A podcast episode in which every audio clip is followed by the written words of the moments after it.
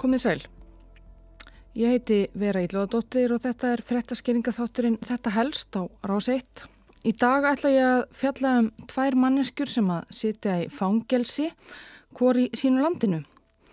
Manneskjur sem að orðið hafa að peðum í valdatabli stórveldana. Bandarísk körubóltastjarnar hefur dúsað í fangelsi í Rúslandi fyrir að hafa flutt kannabisvögva til landsins í um halvt ár. Allræmdur rústinskur vopnasali, kallaður Sölumar Dauðans, hefur setið inn í mun lengur. Og viðræður um fangaskipti standa yfir. En hvaða fólk er þetta og hvernig komst það í þessa stöðu?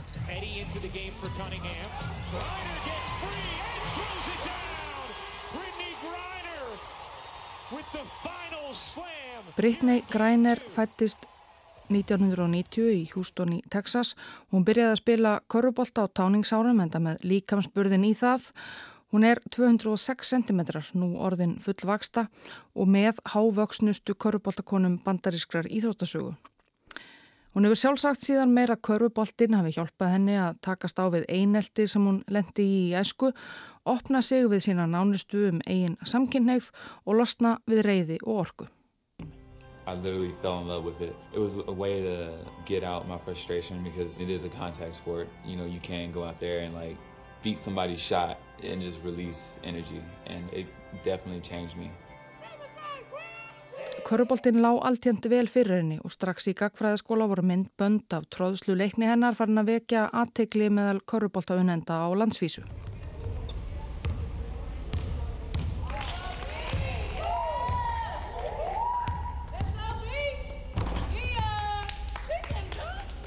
Að loknum sigursælum ferli í háskólaboltanum gekk hún til liðs við Phoenix Mercury frá Arizona 2013 með hverju hún raðaði inn korfum og setti hvert metið á fætur öðru næstu árin auk þess að leika með hvenna landsliði bandaríkjana í korfu. Þann hlut árs sem ekki er leikið í bandarísku töfaldvaf NBA-deldinni hefur grænir svo leikið með erlendum liðum. Kjör kvenna í þessari efstu deild korubóltans í bandaríkunum eru talsvert önnur en Karla í NBA-deildinni.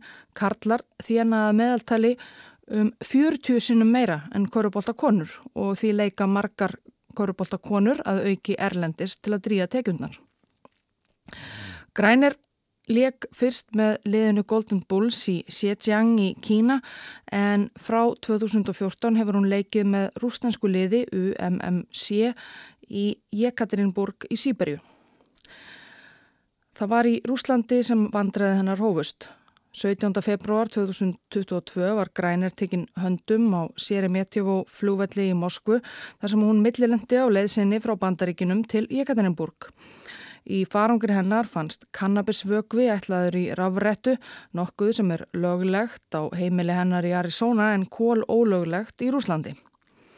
Grænir saðist að það fengið vökvan upp á skrifaðan við verkum tengdum íþrótteiðkun hennar og ekki áttað sig á að þung viðurlög væru við innflutningi á slíkum vökva til Rúslands. Þetta var um miðjan februar aðeins örfám dögum fyrir innrás rúsa í Úkrænu og því margir bent á að rússar væru að öllum líkindum að nota sér mál græners í pólitískum tilgangi og blása þau upp. Hún væri peð sem rússar notuðu til að bæta samningsstöðu sína gagvart bandaríkunum. Málið er því hápolítist og æðstu ráðamenn bandaríkjana talað fyrir því að græner verði látin laus. Bætin bandaríkafórsiti meðal annars kallað meðferðina á græner ólíðandi. Allt hefur þetta þó komið fyrir ekki. Í dómsal 7. júli játaði Græner sög en saðist ekki hafa ætlað sér að brjóta rúsnesk lög. Hún var svo 4. ágúst síðastliðin dæmt í nýju árafangelsi og segtuð um miljón rúblur, rúmar 2 miljónir íslenskra króna. Í viðtali úr fangaklefa bað hún liðsfélaga sína, aðdáendur og alla aðra afsökunar og mistökum sínum og þeim vandræðum sem hún hefði valdið.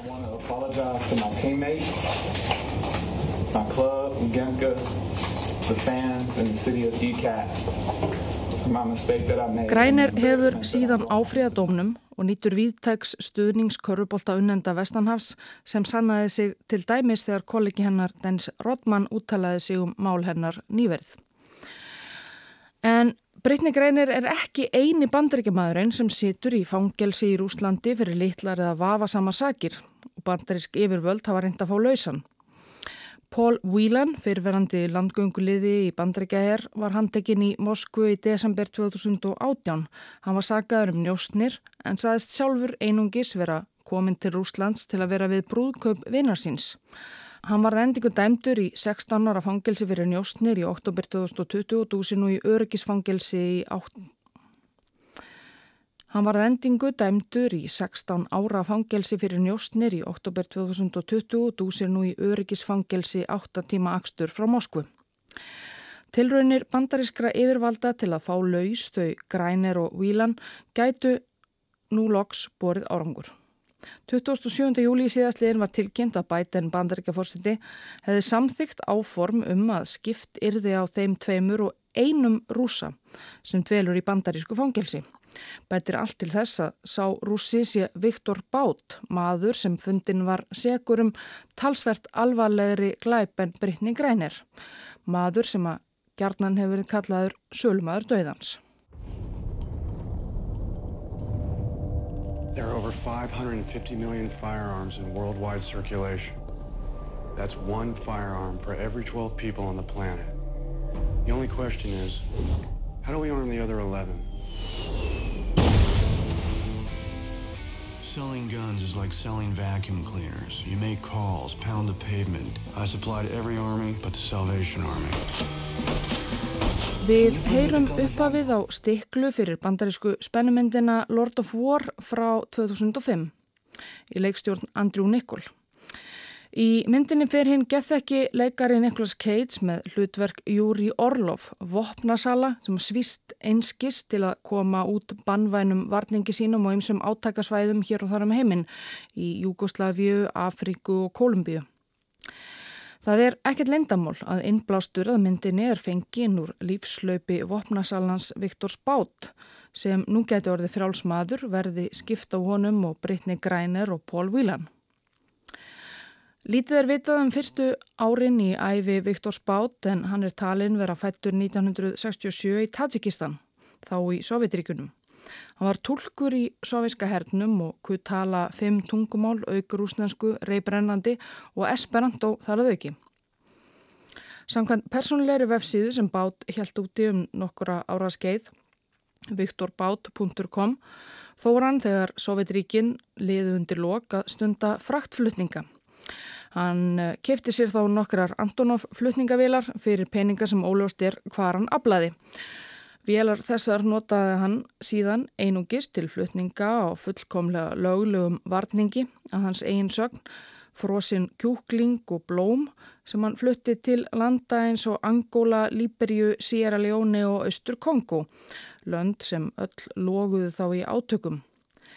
En nokkuð líklegt verður að teljast með að við það sem síðar hefur framkomið um Viktor Bát að það hafi ekki einungis verið frosnir kjúklingar í flutningavilumans sem flugu á þessi stríðshrjáðu svæði, mögulega einnig skotvopn. Allavega um miðbygg tíunda áratöður var hann komin á ratar bandarískra yfirvalda og grunaður um að flytja vopn til Afganistan þar sem þá geysaði borgarstyrjöld og nokkrum árum síðar fjallaði skísla saminuði þjóðuna um vopnarflutninga hans til Tóko í vestur Afríku í gegnum Búlgarju. Þá byrjar hann á átt í góðu vinnfengi við stríðsherran allræmda Charles Taylor í Líberju og séð honum og mönnum hans fyrir stríðstólum, selt bosníumönnum vopni í bosníustríðinu. Þau eru raunar ekki mörg átakasvæðin í heiminum fyrir og eftir síðustu aldamót þar sem Viktor Bát mun ekki hafa komið einhvern veginn að málum. Hann helt áfram að díla í Afganistan eftir innrás mandaríkjarana þangað 2001, sá fjölmörgum vígahópum í austur Kongo fyrir vopnum og rettaði hriðjavörkamönnum tengdum Al-Qaida flugskeitum sem notuð voru til að skjóta að Ísraelskri farþegaþóttu í flugtaki í Mombasa í Kenya 2002. Árasamennir hæfðu þó ekki. Og svo mætti lengi telja. Viktor Bát hefur þó alltaf haldið fram sakleysi sínu og að hann sé aðeins heiðarlegur kaupsíslimaður í ímiskonar rekstri. Hann er ekki feimin maður sem fyrir segir helt hann lengi út í vefsíðu þar sem hann þrætti fyrir það orðspor sem af honum fór. Undanfærin ár hafa fjölmiðlar byrt margar ásakanir á hendur Viktor Bát um að vera heimsins stórtækasti vopnasali. Hvað segir þú við því? Svar. Viktor Bát hefur í meira en áratug verið sagaður um að vera heimsins stórtækasti vopnasali en öll þessi ár hefur enginn getað sínt fram á sannanir þess efnis. Viktor Bát er venjulegur kaupsíslumadur sem sækist eftir velgengni. Í raun og veru er Viktor Bát ekki og hefur aldrei verið vopnasali og stjórnar ekki alþjóðlegu viðskiptaveldi. Viktor Bát var eftirlýstur á heimsvísu af alþjóðalörglunni Interpol árið 2002 en það reyndist erfitt að hafa hendur í hári hans. Hann var, var um sig og flutti sig stöðugtum set til að komast hjá handtöku. En talinn hafa búið í fjölda landa á fyrstu árum þessar aldar í Rúslandi, Suður Afríku, Belgiu, Líbanon, Rúanda, Sýrlandi, Mið, Afríku, Líðildun og víðar. Oft mun hafa munað mjóu að tækist að hafa hendur í hári hans en alltaf komst hann undan á síðustu stundu. Fram til ásins 2008. Snemma það ár hafðu Útsendarar kolumbísku skærulega hrefingarinnar FARC samband við bát og sögðast hafa hug á umfangsmiklum viðskiptum meðal annars kaupum á rúsnenskum flugskeitum. Samið var um að fundur báts og FARC manna færi fram í Bangkok í Tælandi en í þann mund sem viðskiptin voru handsöluði í fundarherbergi hotels í borginni ruttust inn tælenskir lauruglumenn og fulltrúar frá bandarísku fíknefna lauruglunni DEA og tóku bát höndum. Þetta hafði allt saman verið gildra, meintir farkmenn handbendi DEA í dölargerfi.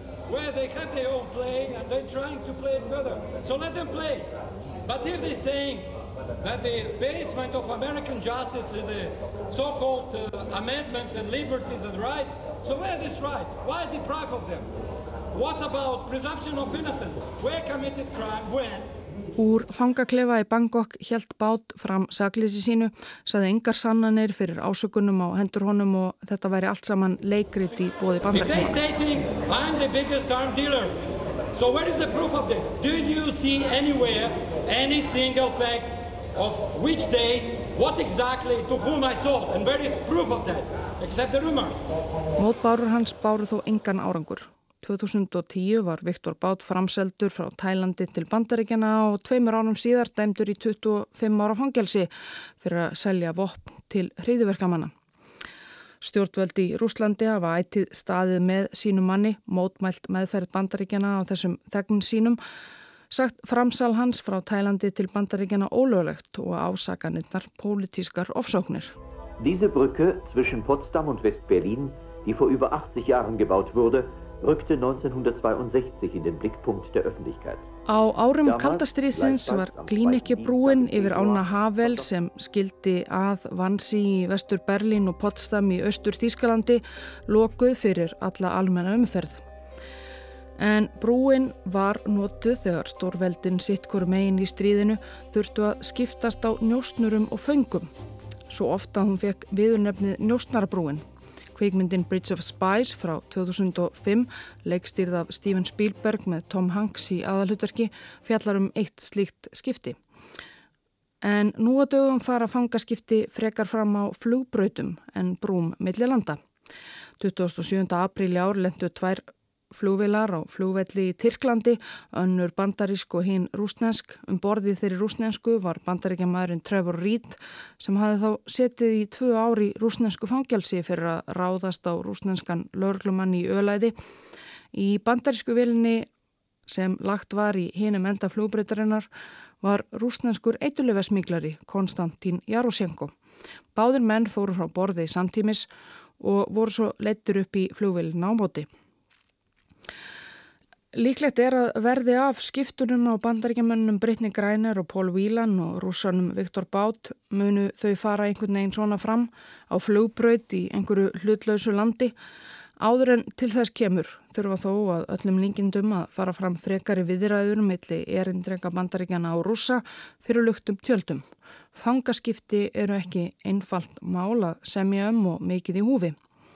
Hvenar og hvort kemur til skiptana er ólust En látum þessu næja, þetta var helst af afdrifum korfuboltastjörnunar Brittany Greiner og sölumanns, döðans Viktor Bát að þessu sinni. Við heyrumst aftur á morgun.